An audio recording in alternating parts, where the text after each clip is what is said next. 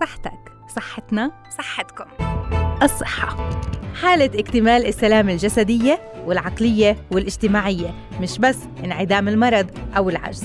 حافظ على صحتك لتعرف قيمتها قبل ما تفقدها وتحافظ على الوسادة الناعمة اللي رح تستند عليها أيام شيخوختك لتضل بصحتك تابعنا ببرنامج الصحة عال إعداد وتقديم سماح منصرة لتضلها صحتكم عال العال.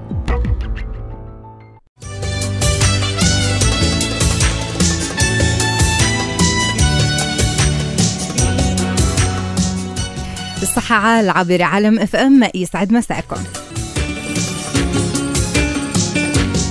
ممكن نكون جالسين نوقف فجأة فيصير في عنا دوار ممكن يكون للحظات فتكون الأسباب عائدة لالتهاب الأذن. ممكن تكون التهاب الأذن الوسطى أو آه، التهاب في أجزاء الأذن المختلفة. فرح نحكي اليوم عن التهاب الأذن وعلاقته بعدم التوازن مع الطبيب المختص الدكتور إسماعيل الجبريني أخصائي جراحة أنف وأذن وحنجرة. أيضا المغص المفاجئ والشديد ممكن يكون عائد لرمل الكلى والمسالك البولية. رح نحكي اليوم عن أسباب تكون رمل الكلى وكيفية القضاء عليه. هل بتكون من خلال شرب السوائل في مراحل ممكن تكون بدائية أو في البداية أو كأساليب وقائية أو لازم نلجأ للفحوصات المختلفة وإجراء العمليات الجراحية لاستئصال حصوة الكلى اللي ممكن تكون نتيجة ترسب كميات كبيرة من rømmel.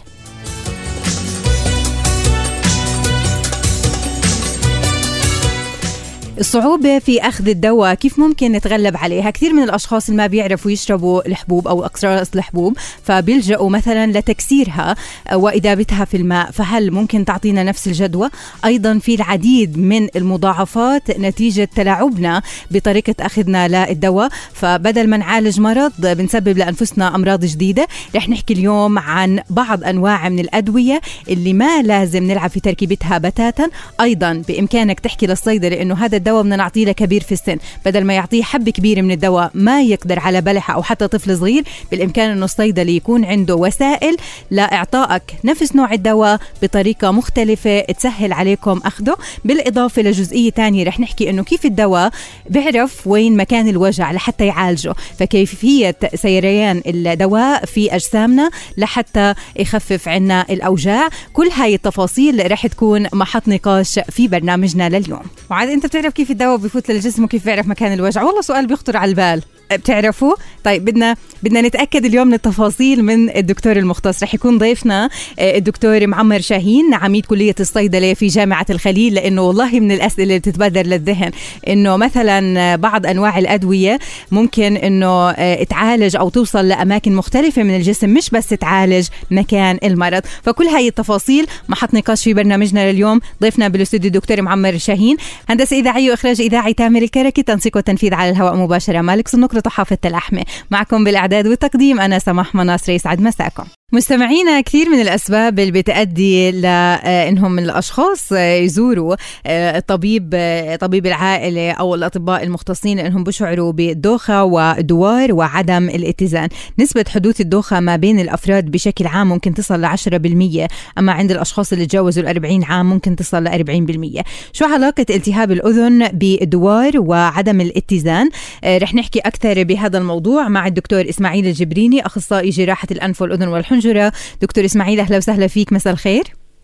تعيدوا الاتصال بالدكتور لو سمحتوا. الدوخة مصطلح عام بيصف أكثر من شعور الشعور بخفة الرأس الدوار انعدام الاتزان أي حالة بيكون فيها المريض آه، غير طبيعي. أما الدوار فهو مصطلح خاص آه، بيصف شعور المرء وكأنه بدور أو كأنه الأشياء حوله بدور. وفعلا هاي الحالة ممكن نمر فيها بين فترة والتانية. آه، هو بسبب عطل في مسار في مسار الدهليز وعدم ما بيكون مصحوب بالإحساس أنه الجسم بيتحرك للأمام وللخلف. أما عدم الاتزان فهو مصطلح خاص بيصف شعور المرء بأنه على وشك السقوط وهي ممكن بتصير معنا إما لما بنصحى من النوم أو بمجرد ما نذهب لسرير لحتى إحنا ننام وبتتضمن طريقة المشي الغريبة وغير المعتادة. ويجب التفريق بين ثلاث مصطلحات لأنه كل مصطلح بيعني شعور مختلف قادم من مكان مختلف وفسيولوجيه المرض اللي ممكن تؤدي لحدوثه آه، عند بعض الأشخاص. تجدر الإشارة إلى أنه العديد من الأجهزة والأعضاء والحواس في الجسم بتتكامل كامل لحتى يحصل الاتزان في الجسم البصر السمع العضلات والدماغ. فممكن يكون سبب الدوخة وانعدام الاتزان هو خلل في أي عضو أو حاسة من هاي الأعضاء والحواس. الدكتور إسماعيل الجبريني صار معنا. أهلا وسهلا فيك دكتور يسعد مساك. مساء الخير لكم المستمعين. حيا الله بحضرتك. دكتور بداية الأجهزة اللي مسؤولة عن آه، الاتزان داخل الجسم آه، الأذن ممكن يعتبر من الأجهزة الرئيسية في حدوث الاتزان بالجسم التهاب الأذن. شو ممكن يؤدي وكيف ممكن يقودنا لعدم الاتزان؟ فلما نحكي عن التهاب الأذن. إحنا عادة في عندنا في عندنا الأذن في عندنا الأذن الخارجيه والأذن الوسطى والأذن الداخليه فالتهاب الأذن اللي بيسبب عندنا عدم التوازن بيكون عادة في الأذن الداخلية هو إحدى مضاعفات الالتهابات الأذن الوسطى اللي بأثر على على مركز التوازن اللي هي القوقعة بنحكي في في الموجودة في الأذن الداخلية. ففي مجرد أي صار أي التهاب في الأذن الداخلية بصير مركز التوازن في الجسم بصير خلل في مركز التوازن الناتج عن التهاب في الأذن الداخلية. أه، هلا عدم الاتزان بيكون الشخص إما أه، بشعر بإنه على وشك السقوط أو ممكن إنه يشعر إنه الأشياء من حواليه ممكن إنه كمان بتدور بيكون واقف فجأة ما بيقدر إنه يستمر بالوقوف في هاي اللحظة. فشو الأعراض أيضا اللي ممكن تكون مرافقة لهاي الحالة عدم الاتزان؟ عدم الاتزان ممكن تكون مرافقة لزوفان المعدة والشعور بالتقيؤ. بس إحنا لازم ناخذ بعين الاعتبار مش كل كل واحد بصير معه دوخة أو أو عدم اتزان بيكون من الأذن الداخل الداخلية أو مضاعفات التهاب الأذن الوسطى في عندك مشاكل عدم اتزان فلذلك إحنا لما نفحص المريض نوجد إنه فيش مشكلة في الوسطى أو في الداخليه بيكون بدنا نوجد مشاكل ثانية تكون في الدماغ مركزيه أو مشاكل أخرى بتجي بسبب عدم التوازن. طيب شو لازم إحنا نعمل من لحظة آه، هذا الشعور لغاية إن شاء الله ما يزول تماما؟ إحنا في هذه الحالة لازم نزور طبيب الحنجره يحدد الشيء هو هو هو اللي عنده كيف التهاب الاذن داخل الوسطى في التهاب الوسطى أو في التهاب الاذن دكتور صوتك مش واضح بس يا ريت توضح لنا صوتك شوي. تفضل. هلا هيك صوتي كويس؟ آه تمام تفضل. بقول لك في هذه الحالة لازم يزور طبيب أنف وأذن وحنجرة يحدد له المشكلة بالذات إذا في أي التهابات في الأذن الوسطى الداخلية ومنها يتم التشخيص بناء على ذلك. وبعدها بصير بنتابع شو شو طريقة العلاج وكيف مشاكل العلاج مشاكل الأعراض المشاكل اللي ومن خلالها من بعض الفحوصات بتنعمل له سواء فحوصات كلينيكية أو فحوصات آه، آه، تخطيط للعصب للعصب أو تخطيط الاذن تمام. هلا دكتور في بعض الأشخاص اللي دائما ما بيستهينوا في المرض أو بيستهينوا مثلا في هاي الحالة بيشعروا بعدم الاتزان مرة ومرتين وثلاث وممكن تتكرر خلال الشهر الواحد آه، لكنهم ما بيراجعوا الطبيب المختص. لشو ممكن يؤدي هذا الإهمال وعدم أو أو التهاون حتى في هاي في هاي الحالة أو هذا العرض؟ المشكلة مش في الزاف في المشكلة في مضاعفات ممكن إنسان يكون سوق سيارة يصيبه دوخة وعدم اتزان يصير يسوي حادث. ممكن يكون من اللي بيعملوا في اعمال على يصير عنده عدم اتزان يسقط من الارتفاع ويفكروا إنه ممكن تكون أساسا عنده في مشكلة في عدم الاتزان. في مشكلة تكون على بيعمل على ماكينات خطرة أو ما شابه ذلك وتصير عنده مشاكل ويفكروا الخطا خطا إنه من الماكينة أو خطأ من المشكلة تكون هذا. فلذلك لازم تاخذ الاحتياطات في حالة ما يكون عنده اي أي آه، عدم اتزان أو دوخه أو شيء. راجع الطبيب على أساس ياخذ الاحتياطات اللي ما يصيرش مضاعفات ثانية اللي تؤدي تؤدي خطر على حياته. تمام. المشاكل الرئيسية. يعني يمكن ولد يمكن ولد صغير يصير هذا الالتزام يقع في الطريق صح. يفقد يفقد يعني هاي بنحكي عن عرض ممكن يكون مبدئي لكن ممكن يقود لمشاكل إحنا بغينا عنها لا سمح الله. لو لو بس أخذنا احتياطاتنا أخذنا الأساليب الوقائية ورجعنا أطبائنا المختصين من لحظة ظهور هذا العرض. شكرا للدكتور إسماعيل الجبريني أخصائي جراحة الأنف والأذن والحنجرة. يعطيك ألف عافية دكتور شكرا جزيلا. مستمعينا فاصل قصير بعد الفاصل. آه، الرمل على الكلى لشو ممكن يؤدي آه، عدا عن المغص الشديد وكيفية علاج هاي الحالة. رمل الكلى مصطلح يطلق على حالة مرضية آه، آه، بتعتري الوظائف الكلوية نتيجة الإعاقة اللي بتحدثها الزوائد الرملية حال وجودها في أجزاء آه، مختلفة من الجسم أو في الأجزاء الداخلية. هذا اللي ممكن يسبب العديد من الأعراض.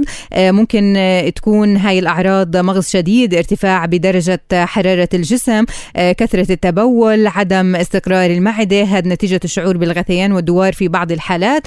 كثرة التبول مع كميات قليلة لونها آه، أصفر وبالإضافة لارتفاع بدرجة حرارة الجسم. هذا بيكون نتيجة للالتهابات اللي بتحدث حركة الرمل فيها في المجاري الكلوية. والمغص الشديد اللي ممكن ينتج عند كثير من الأشخاص اللي عندهم رمل الكلى واللي بتباين في حدته ما بين مرة والأخرى. وممكن آه، كمان كثير من الأشخاص يعانوا من هاي الحالة. نتيجة التقدم بالسن. مع مرور الأيام تزداد تجمعات المواد المفلترة بالكلى الكلى بنسب ضئيلة جدا. آه، بتترسب بعد عملية التخلص من السوائل بالكلى. تتجمع على شكل حصى وهي العملية بتحتاج لسنين طويلة لحتى تحدث نتيجة التقدم بالسن. ممكن هذا الأمر يكون عائد أيضا لطبيعة الغذاء وممكن يكون كمان بنتيجة التعرض للجفاف. رح نحكي بالأسباب الثانية بالإضافة للطرق العلاجية مع الدكتور أليف عبد المجيد الزرو آه، أخصائي جراحة الكلى والمسالك البولية وعضو في جمعية أخصائي الكلى والمسالك البولية والعقم الفلسطينية. أهلا وسهلا فيك دكتور يسعد مساك. يسعد مساك السماع ومساء جميع المستمعين. حيا الله بحضرتك. أهلا وسهلا فيك. آه، دكتور خلينا بداية نوضح للمستمعين المقصود برمل الكلى وشكل أيضا رمل الكلى وكيف بتكون. ممكن نصلح المعلومة شوي. تفضل. آه، مش رمل الكلى لأنه رمل الكلى هذا ما بنحطوش كتخصص آه، يعني هلا بقولوا لك في عن طريق المختبرات إنه في رمل. هلا هو الرمل بيتكون منه الحصى. بيتكون منه الحصى. يعني رمل الكلى بدون أي أعراض يعني بيجي عند المريض. هيك بيحكوا لنا الدكاتره يعني إحنا آه في عندنا آه. رمل على الكلى. هيك إحنا بنعرف. فصلح لنا المعلومات. أنا بصلح أنا بصلح معلومات. أها تفضل. عبارة عن عبارة عن تصليح معلومات. هلا هون آه، حصل كلى هو عبارة عن آه، تكون آه، حبيبات أو ذرات صغيرة من المواد الشائبة اللي بتفرز عن طريق الكلى طبعا حصل كلى بينقسم لعدة أقسام أو عدة أنواع من حصل كلى اللي هو أكثر نوعين هم الشائعات عندنا هون أو ثلاث أنواع الشائعات عندنا موجودين في منطقة حوض البحر المتوسط اللي هو وكذلك الكالسيوم وعندنا آه، حصى حامض البوليك أو ال uric acid وعندنا آه، حصى اللي هم السيستين. هذول ثلاث أنواع المتعارف عليهم أكثر ثلاث أنواع. حصى موجودين في منطقتنا أو معظم المرضى بيعانوا منهم. هلا بالنسبة لل calcium oxalate طبعا هم يعني تاخذ تقريبا حصة الأسد في في حصى الموجود في الكلى والمسالك البولية. شو بيكون اسباب آه، أسباب آه. تكونها دكتور؟ آه، راح اجيك راح أجي لك هلا. إن شاء الله بالشرح مش بس مش رح أطول لأنه عندي مرضى. آه عندنا 80% من آه من حصى الكلى هو عبارة عن calcium oxalate هلا آه أسباب ال calcium oxalate طبعا أول شيء بنقول آه سبب رئيسي اللي هو نقص بالسوائل نقص تناول كميات آه معينة من السوائل. هلا آه في بعض الناس بقول لك لازم 2 لتر وذلك أضعف الإيمان يتناول. هلا في ناس ما بيقدروا يتناولوا 2 لتر وما بيقدروش يتناولوا اللتر. صح. مطلوب منهم أقل شيء أقل شيء لتر في اليوم. مم. أقل شيء لتر في اليوم.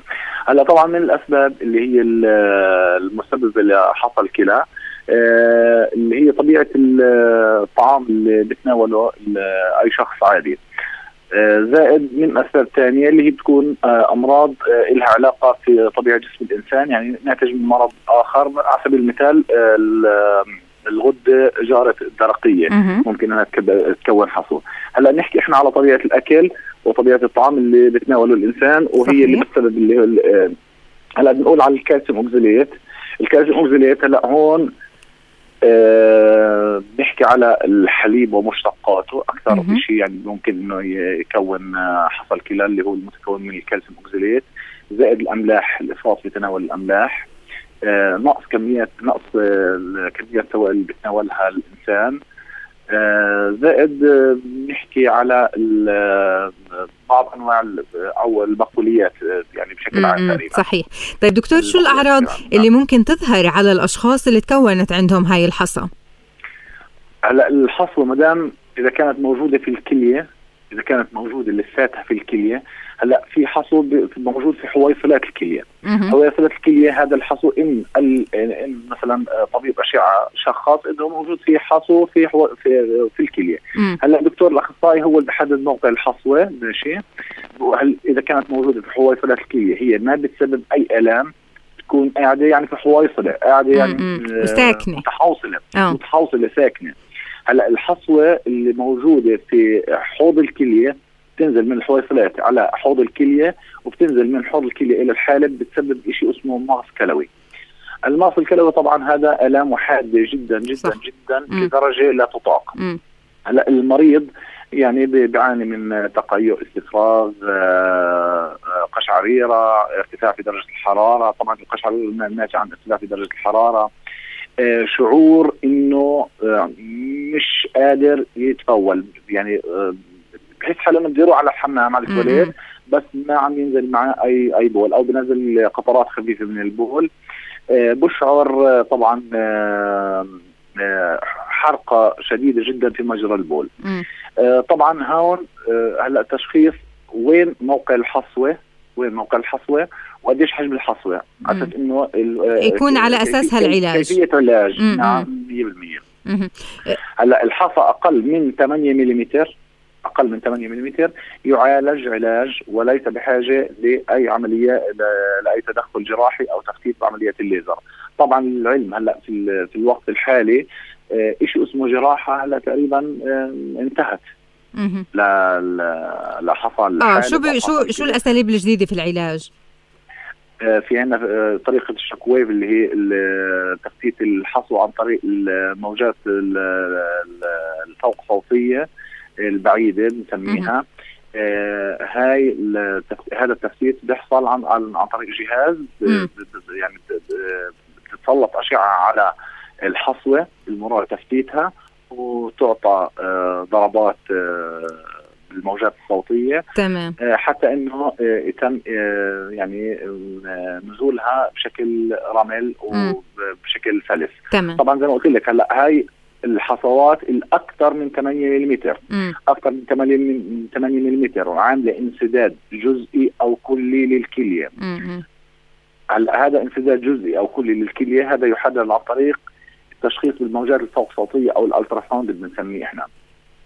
اللي حجمها آه. أقل؟ بتنزل عن طريق العلاجات وعن طريق السوائل. تمام. طبعا آه يعني منها آه, آه يعني هون بس آه بدنا نذكر مستمعينا إنه ينتبهوا للحجم وطريقة التشخيص الصحيحة لأنه طريقة التشخيص هي اللي بتؤدي للعلاج الصحيح. ما يلجأوا للعمليات الجراحية كخيار أول آه إلا بعد ما يكون التشخيص سليم. فأكيد بنتمنى الخير والعافية والسلامة لكل مستمعينا. شكرا لحضرتك. الدكتور أليف عبد المجيد الزروي يعطيك ألف عافية والسلامة لكل المرضى الموجودين عندك. جراحة الكلى والمسالك البولية وعضو في جمعية أخصائيي الكلى والمسالك البولية والعقم الفلسطيني. يعطيك ألف عافية.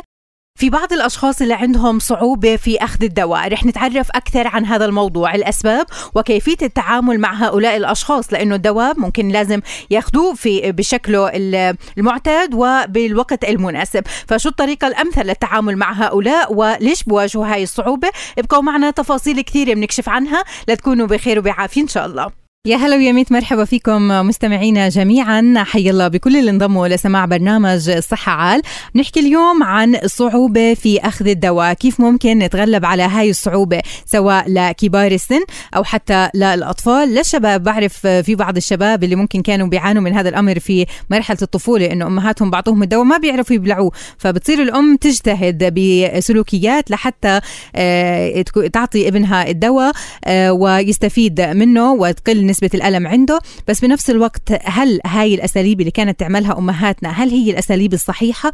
آه، تقسيم الدواء آه، إفراغ مثلا الكبسولة من هاي الحبيبات ولا ممكن إنه بدل ما نعالج مرض نسبب لأنفسنا بأمراض جديدة إحنا بغنى عنها لو عرفنا كيف ممكن ناخذ الدواء بالشكل الصحيح. هذا الموضوع رح نناقشه بالتفاصيل لليوم مع الدكتور آه، معمر شاهين عميد كلية الصيدلة في جامعة الخليل. صار معنا بالأستوديو. أهلا وسهلا فيك دكتور شرفتنا. أهلا وسهلا بك وبالحضور الكرام. الكرام شكرا على استضافتي. أهلا وسهلا بحضرتك. دكتور بداية آه، يعني ممكن سؤال يكون غريب نوعا ما أو سؤال بتبادر للذهن لكن آه، ما بن ممكن ما نلاقي الإجابة الصحيحة له إنه إحنا بناخذ الدواء لكن الدواء كيف بيصير بالجسم لحد ما يوصل لمكان الألم ويعالج هذا المكان؟ إيه شكرا على هذا السؤال. هذا سؤال من آخر الأمور التطويرية اللي بيشتغل عليها العالم إنه إحنا نعمل تارجتنج توجيه للدواء باتجاه الألم مباشرة. يعني إذا أنا معي صداع ليش أنا بدي أخذ دواء ينزل على المعدة ويروح على آه على الدماغ ويروح على كل مكان؟ آه أول شيء ربنا حبى جسم الإنسان بخاصية للتوجيه الدواء وهي خاصية تدفق الدم باتجاه مناطق الألم. أو تدفق الدم باتجاه مناطق الالتهاب. هي خاصية فسيولوجية موجودة في جسم الإنسان. لما إجرك تنصاب بضربة أو وخزة بتصير حمراء. حمراء ليش؟ وسخنة. يعني مشى بها آه، مشى باتجاه الدم بكمية آه، أسرع. حامل معه مسكنات الآلام الداخلية الإندورفينز والإنكفالينز اللي أصلا تفرز داخليا. الدليل على ذلك أنه إصبعك لما أول ما ينضرب بتكون الضربة حامي بتكون متألم بعدين بتخدر شوي. صح. آه، فهذا ربنا بمشي الدم باتجاه هذه المنطقة. حامل مع مسكنات الآلام مضادات الأمراض وإحنا بنستغل هاي الموضوع في في الدواء أو الدواء نفسه لما نعطيه المريض متوقع أنه يتجه باتجاه منطقة الألم آه، مستعينا بتدفق الدم باتجاهها المشكلة عندنا في الأعضاء في جسم الإنسان إلها تدفق دم آه، بطيء زي تحت الجلد زي العظام وزي الأسنان واللثة وزي مثلا المناطق الدهنية هاي ما بيصلهاش الدواء بسهولة فإحنا بنفكر دائما وبنطور إحنا نوصل الدواء لها هلا دكتور ممكن إنه الدواء يوصل لمكان الألم هل في هذا السريان ممكن إنه يعالج أمراض تانية ولا فقط بيكون موجه فقط لمنطقة الألم اللي إجا من أجلها وأخذ هذا الدواء من أجلها. للأسف بتوجه لجميع الأماكن وما بيعالج أمراض ثانية بيعمل لنا side effect آثار جانبية. معظم الآثار الجانبية من توجه الدواء إلى مناطق إحنا ما بدناش آه، إياها أبدا. بالضبط زي ما أنا أعطي دواء مزيل للاحتقان أبسط ما يمكن يفكر فيه الصيدلي يعطي دواء مزيل لاحتقان الأنف. وإذا المريضة معها ارتفاع في الضغط أصلا راح يرفع لها الضغط هذا الدواء لأنه بيعمل انقباض بالشرايين. وهي الانقباض بالشرايين هو اللي بيزيل الاحتقان لكن في نفس الوقت انقباض الشرايين بضيق تدفق الدم فيه إنه ممكن يرفع لها الضغط. فأول ما آه، آه، يعني أهيب بجميع الصيادله انه يسألوا لو على مستوى إنه الدواء البسيط سودوفيدرين مزيل احتقان يسأل المريضة معها جلوكوما ارتفاع في ضغط العين معك ضغط معك thyroid غدة درقية قبل ما يعطي هذا الدواء. يعني دكتور ما لازم يكتفي الصيدلي فقط بالروشيته اللي معاه؟ يعني أكيد هو الروشيته كتبها طبيب مختص وأكيد كل التحية للأطباء لكن آه، كمان الصيدلي بيستوجب عليه مجموعة من الأسئلة اللي تكون بخدمة المريض نفسه. بالضبط هذا ما يسمى ما نسميه ال patient centeredness التركيز على المريض وليس على الوصفه آه، العناية الصيدلانية وهي من الكورسات اللي بندرسها لطلبتنا وبنشدد عليها وبيعملوا فيها سيمينارات و discussion كيف يتعامل مع المريض كيف يقابله كيف يعمل discussion معه كيف يعمل آه، آه، يعني لقاء له وكيف يحاول يغير من سلوكه وكيف يعطيه كل النصائح. الدكتور مشكور قام بوصف الوصفه لكن لضيق الوقت أحيانا وما عنده كل الوقت إنه يعمل counseling استشارة على الدواء كيف ياخده إمتى ياخده و how much and how long كل شغلات.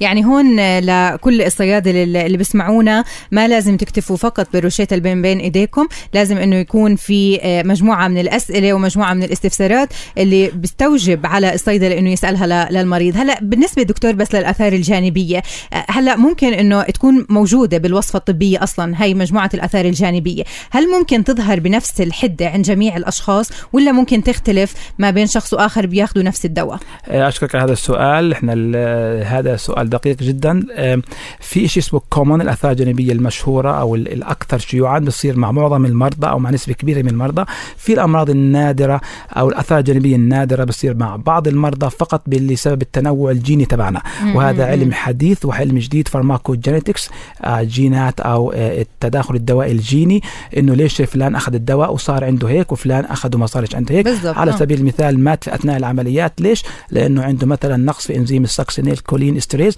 واحد في المئة ألف من المرضى ما عنده القدرة على التخلص من الدواء اللي بيعمل muscle relaxation إرخاء للعضلات أثناء العملية فبيضل بعد العملية بغيبوبة وبموت بسبب أنه ما عنده الإنزيم اللي بتخلص من هذا الدواء. كذلك في أي أي دواء ثاني ال genetic makeup التركيب الجيني لأن إنزيمات الكبد هي اللي بتحدد الآثار الجانبية حدة ونوعا وكما وفي أي مريض تصير وإلى أي اكستنت لأي مدى تصير. هلا أشكال الدواء كمان دكتور مختلفة بنعرف في دواء شراب في دواء كبسولات في دواء أقراص. كيف ممكن أنه الدواء يعني ياخذ هذا الشكل؟ ليش؟ يعني آه ليش الشراب آه ممكن الأطفال أسهل؟ لأنهم غير قادرين على بلع حبة الحبوب. آه زائد أنه الشراب أسرع امتصاصا. وأكثر وصولا وأسهل تحضيرا من الحبوب مع إنه له مشاكله من م. ناحية الثبات ومن ناحية حجم العبوة والاحتفاظ بها وقياسها. ممكن يصير خطأ الأم أو في البيت باستخدام الهاوس هولد الأشياء اللي في البيت لقياس الجرعة. عشان هيك بهيب بالصيادله دائما يعطوا سرنج لقياس الجرعة. هذا أدق. هذا أدق صح. يا أدق. مم. آه، بالنسبة للتابلت الحبوب طبعا للكبار أسهل أسرع للتصنيع أكثر ثباتا. زائد إنها ممكن لما نصنعها بشكل الحبوب إن إحنا نتغلب على الطعم المر أو الريحة السيئة لبعض آه، آه، الأدوية أو نزيد من ثباتها أو إن نعملها بأشكال صيدلانيه مختلفة آه، طويلة المفعول سريعة وهكذا حسب ما يحتاج. التحاميل طبعا في حالة تعذر البلع بالفم لمرضى الصرع مثلا لما تجي النوبة لازم إنه هذا يعني لازم إنه ما بنقدر نستخدم الماوث الفم فممكن نستخدم الشرج كطريقة بديلة. تمام.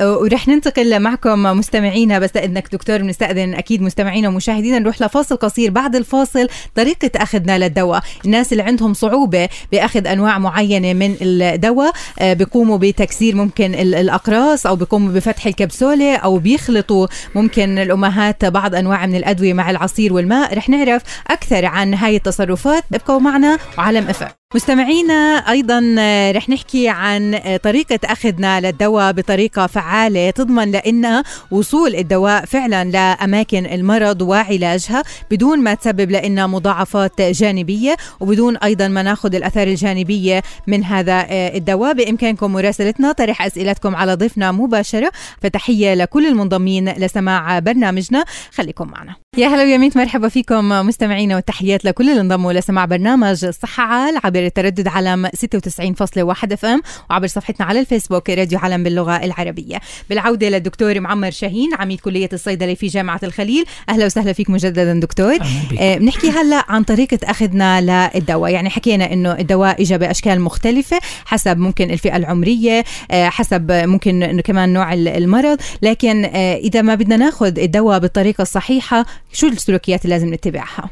السلوكيات هي اتباع توجيهات الصيدلاني على فرض إنه الصيدلاني قام بواجبه وقام بواجبه الرعاية الصيدلانيه وعمل كونسلنج استشارة كاملة للدواء. آه، واخذه بالطريقة الصحيحة. أحيانا للأسف نواجه بعض المشاكل في كتب الجرعة أصلا خطأ من الدكتور. مم. وفي تقارب الفترة الزمنية للجرعة ظنا منه إنه ممكن يحصل على شفاء أسرع. لكن هاي الجرعة محسوبة من ناحية ال time ومن ناحية الوقت ومن ناحية الكم. آه، محسوبه حسابات كمية آه، بمعادلات ال pharmacokinetic لحرائك الدواء بدقة بحيث إنه هذا يعطيني أفضل تركيز ويسيطر على المرض من غير آثار جانبية ويساعد على إخراج الدواء في الوقت المناسب. فأخذ الدواء آه، بادئا ببدء الجرعة آه، يعني أو كلمة ال dosage لما نحكي عن الجرعة هي لها مركبات عدة. الجرعة كمية الدواء نوع الدواء ال frequency كم من مرة لازم ياخده باليوم وقديش for how long هذه مهمة جدا لل duration والطريقة اللي اللي بده ياخذها إذا انت أنا حكيت لك بلع يعني بلع. إذا حكيت لك تحت اللسان تحت اللسان هناك سبب معين إنك تاخذها تحت صح. اللسان مش عبثي يعني هذا السبب. بالضبط. وما وما تبلعهاش. فإذا أنت بلعت راح يتكسر الدواء أو لن تحصل على أي استفادة مم. آه، منه. والعكس بالعكس لو حطيت أنت آه، حبة مقرر لها إنها تبلع واكلتها زي بعض الستاتنا الكبار بيعملوا هيك عشان تدوقها مرة جدا وهذا بيأثر على ال adherence أو على ال compliance على مطاوعة المريض وعلى قدرته على أخذ الدواء. إذا اخذ الدواء خطأ من البداية بعرضه لتجربة سيئة في الطعم في اللون أو بعرضه إنه ما يحصل على المفعول اللي بده إياه within خلال يومين ثلاثة وبالتالي آه، راح فورا إنه إنه يترك الدواء. فأنت أفشلت العملية العلاجية كلها. بادئ عند بدء الصيدلي ليس روبوت ولا هو إنسان وجد ليقرأ الوصفه وينفذها ووجد لعمل كريتيك آه، نقد وتصحيح إذا في خطأ مع احترامي يعني الكل ووضع الجرعة بالطريقة الصحيحة وبعض وكثير من الأحيان نتواصل مع زملائنا وإخواننا الدكاترة آه، وبنحكي معهم في الموضوع بيستجيبوا لأن من ناحية تغيير الجرعة أو تعديلها. لما نحكي الدواء أربع مرات باليوم يعني كل ست ساعات على مدار ال 24 ساعة. يعني و... لازم نحسبهم دكتور هون نعم. بالدقة يعني؟ يعني مش مش لهالدرجة لو بده ينام قبل بساعة وأخذ له جرعة ماشي. لكن معظم الناس لما نقول أربع مرات في اليوم صبح عصر ظهر مغرب خطأ. لما نحكي أربع مرات باليوم على مدار ال 24 مم. ساعة وإحنا بنضبط له إياها اللي ما يقومش في الليل ياخذ جرعة. يعني تكون جرعته الصبح الساعة 7 ماشي الجرعة الثانية الساعة 3 الساعة 11 وهكذا اللي ما ما يستيقظ بالليل. هذه مهمة جدا النقطة إنه كل ست ساعات كل أربع ساعات آه، وإنه ياخذها على مدار 24 ساعة. إذا حكينا مرتين باليوم يعني كل 12 ساعة ما بصير إنك تقارب. آآ آآ آه، آه، تؤدي إلى حالة من حالتين إما الأثار الجانبية أم أو وضع كمية كبيرة من الدواء في الجسم لا يستفاد منها. مم. لأنه حتى الإنزيم اللي بده يمتصه له قدرة خاصة وفائقة على امتصاص كمية معينة من الدواء. زاد راح يخرج إلى الكلية أو إلى الكبد بيعمل لي آثار جانبية واذا ما عمل لي آثار جانبية. أقل ما فيها ال cost effectiveness ال cost الدواء راح تاخذ دواء يتم إخراجه مش مش حتستفيد منه. مم. فأنت بهاي الناحية لازم تاخذها بالطريقة هاي. تمام. هلأ دكتور في بعض الأمهات طفلها ما بيقدر أو بيرفض إنه يتناول الدواء فبتكون بخلطه مثلا بالعصير بتكون بخلطه بكاسة المي. فهون كمان بنحكي عن تصرفات خاطئة. مش كل العصير friendly أو بنسميه يعني عصير محايد. في بعض العصير اذا استخدمته يعني أنت رفعت رفعت درجة البي اتش رفعت درجة الحموضة. لو أنت بدك تعطي مثلا حديد ورفعت درجة الحموضة للطفل مش مشكلة. بيزداد امتصاص الحديد إذا كان في حالة الحديدوز وليس الحديديك لكن إذا أنت بدك تاخذ كالسيوم مثلا آه، برضه الكالسيوم مثال آخر إنه الحمض بيزيد من امتصاص الكالسيوم كربونات. لكن بعض الأدوية الثانية تتكسر كاملا. لو أعطيت بنسلين أنت وشربت وراك عصير ليمون حامض إتش سي إل حامض الليمون أو حامض المعدة بكسر البنسلين ولن تستفيد منه أي شيء ابدا. بعض ال ال العصير أو الشغلات هاي ممكن تؤدي إلى آه، تفاعلات أخطر من هيك مثل grapefruit juice عصير الجريب فروت هذا بثبط انزيمات الكبد وبيزيد وبمنع تكسير الدواء مما يزيد من تركيزه في الدم مما يزيد من الآثار الجانبية م. وخير مثال ذلك دواء الليبيتور للكوليسترول إذا اخذته وأخذت أو كنت على diet هذه بنواجهها في معظم الناس م. إنه بيعمل دايت بده ينزل وزنه آه، وال diet بيكون فيه عصير جريب فروت لأنه م. كويس لا لا لا, لا, لا للتنحيف لكنه فورا بيتداخل مع الليبيتور وبيعمل muscle pain و joint pain ويتوقف مشاكل يا ويلي نعم. صحيح طب كمان دكتور دكتور آه، مثلا إفراغ الكبسولة من الحبيبات الموجودة فيها. مثل ما تفضلت آه، الأشخاص كبار في السن بيقوموا بمضغ هاي الأدوية. طيب شو شو البديل؟ يعني هم في بعض الأشخاص ما بيقدروا يبلعوا عن جد ما بيقدروا يبلعوا حبة الدواء. فشو بده يكون البديل؟ آه، بعض الأدوية يمكن طحنها أو هرشها حتى في في الصيدليات في بلاد برا شفت؟ طحانة دواء شبيهة طحان الدواء شبيهة بطحانه الهيل. بتحط الحبة يعني crushed بتصير قطع صغيرة بتحطها مع apple sauce أو أي فواكه وبتبلعها بلع هاي هاي هاي أول شيء ممكن يعملوه يكسر الحبة من النص إذا إذا إذا هو مسموح كسرها آه. يطحنها كراشت ويبلعها مع أي أي غذاء بده إياه ما يكونش بتداخل معها لكن بعض الأدوية آه، تكسيرها خطير جدا لأنها فيلم كوتد مغطية أو ملبسة بطريقة معينة. كسرها يعني إعطاء كمية كبيرة من الدواء في الوقت الغير مناسب في المكان الغير مناسب. فكسرها يعني امتصاصها فورا من المعدة بكميات كبيرة ما بدناش إياها. بعض الأدوية الثانية sustained release طويلة المفعول. أنا أصلا عاملها مشان تنزل بالمعدة لن يتم هضمها بالمعدة ولا تكسيرها. صح. بتروح إلى الأمعاء ويتم أخذ الدواء منها في الأمعاء بالتدريج فمش كل الأدوية ممكن إحنا كسرها آه، أدوية ثانية ممكن إحنا بالعكس نطحنها ونعملها شراب للكبار بالعمر. أكبر مثال على ذلك دواء الاوجمنتين إي إس 600 ملي جرام بعطوه للاطفال هو أصلا خصص للكبار بالعمر الغير قادرين على البلع الكبسوله أو الحبة. إفراغ الحكي اللي حكيتيه مهم جدا بالنسبة لإفراغ الكبسوله اللي جواها حبيبات. مم. هذه الحبيبات إذا بتطلع على ألوانها في بعض الأدوية بتكون لون off white بيج ولون white ال white سريعة المفعول المفعول وهذيك طويلة المفعول. ممكن إنك تفرغ الكبسولة على على طعام وتبلعها بس ممنوع chew ممنوع تمضغها آه. يجب أن تبلعها بلع عشان نحافظ على ال system تبعها. آه كمان ممكن هذا يعني هاي الأمور نحكيها للطبيب ولا للصيدلي يعني مثلا كبير سن ما بيقدر يبلع الدواء لمين نحكي؟ آه عادة بيحكي للدكتور م. إن أنا ما بقدر أبلع ودكتوره يعني أحيانا قد للأسف إنه يكتب دواء لا يمكن كسره أو لا يمكن طحنه م. ويقول له اطحنه واعطيه نص حبة منه فإحنا في هذه الحالة نتخاطب مع الدكتور لمصلحة المريض وبنقول له هذا الدواء لا يمكن طحنه ممكن استبداله بجرعه أقل ممكن إن إحنا نستعيد عن شكل صيدلاني ثاني ونعمل له إياه سوليوشن أو شيء زي هيك أه وأحيانا بيجاوبوا معنا ويعني بس إنه إحنا نتخاطب مع الدكاترة في النهاية من أجل متعه المريض في بعض الأسئلة كمان دكتور إنه آه، قبل الأكل بعد الأكل هاي ممكن من الأشياء اللي بتستفز الناس أو بتثير آه، كمان آه، يعني فضولهم ومعرفتهم إنه فعلا كتب لنا في على الدواء إنه قبل الأكل لازم قبل الأكل وإذا نسينا ناكله قبل الأكل فبنروح ناكله ممكن بعد الأكل وبنرجع بناكل مرة جديدة. آه يعني قبل الأكل أو بعد الأكل نرجع لنفس الموضوع. آه وجود الأكل بيعمل عاملين. وجود الأكل بأخر إفراغ الدواء إلى الأمعاء وغالبا مكان الامتصاص هي الأمعاء. المشكلة الثانية اللي بيعملها وجود الأكل يعني هضم يعني حامض يعني هرمون البيبسين أو إنزيم البيبسين وهذه بتكسر كثير من الأدوية. فإذا أنا حكيت لك خدها على معدة فارغة أنا أفضل مصطلح الصيدلي والدكتور يستخدم على معدة فارغة لأنه قبل الأكل بعض المرضى بيتناول الحبة وبياكل فوقها على طول هذا ما اسموش قبل الأكل. مم. هذا اسمه أكل مع الأكل. آه. إذا يجب أن يكون أتليست على الأقل 35 إلى 45 منت على معدة فاضية. هذا المصطلح أفضل آه، في منطقتنا وللجميع معدة فاضية عشان ما يتكسرش الدواء ما يتأخرش إفراغه للأمعاء. أدوية تاني بالعكس نقول له كلها مع وجبة دهنية دسمة امتصاص الدواء بيكون أفضل مم. الآثار الجانبية أفضل. آه على مستوى الأيبابروفين دواء مسكن الآلام بنقول له خده مع الأكل لأنه بيأذيش المعدة إذا أخذته مع ال ال ال الأكل.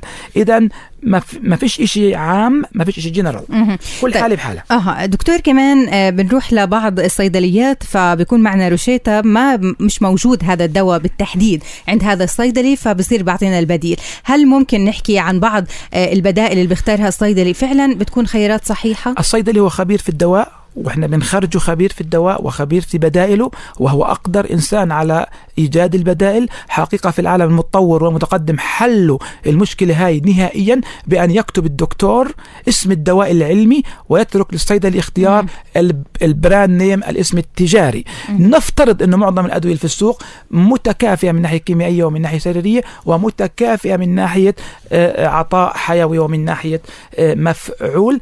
لكن حقيقة في بعض الأدوية تركيبها الكيماوي يفترض منك ويحتم عليك أن تعطي نفس البراند الاسم التجاري اللي كتبه الدكتور. تمام. لأنه آه، هامشها العلاجي والسمي قليل وضيق جدا. سؤال أخير إنه مع الدواء يفضل شرب المي دائما ولا ممكن نشربها مع بعض أنواع العصائر وكمان يحضر مثلا شربها مع 7 Up مثلا؟ 7 Up بلاش لأنه بعتقد إنه ممكن إنه يأثر من ناحية الكربونات وال CO 2 على امتصاص الدواء. يفضل بالماء. أو عصير محايد لا هو حامض ولا هو آه، قاعدي تمام. بدي أتشكرك دكتور شكرا لكل هاي المعلومات. يعطيك ألف عافية. الدكتور معمر شاهين عميد كلية الصيدلة في جامعة الخليل. شكرا لكل هاي الإيضاحات. لهون بنكون وصلنا لنهاية برنامج صحة على اليوم. شكرا لحضراتكم للمتابعة. شكرا لفريق عمل البرنامج تامر الكركي حافظ تلاحمة ومالك صنقرة ومعادي كوانين. يعطيكم ألف عافية جميعا. ولقائنا الأسبوع المقبل بحلقة جديدة من برنامج الصحه عليكم. تحياتي. سماح مناصرة. في أمان الله.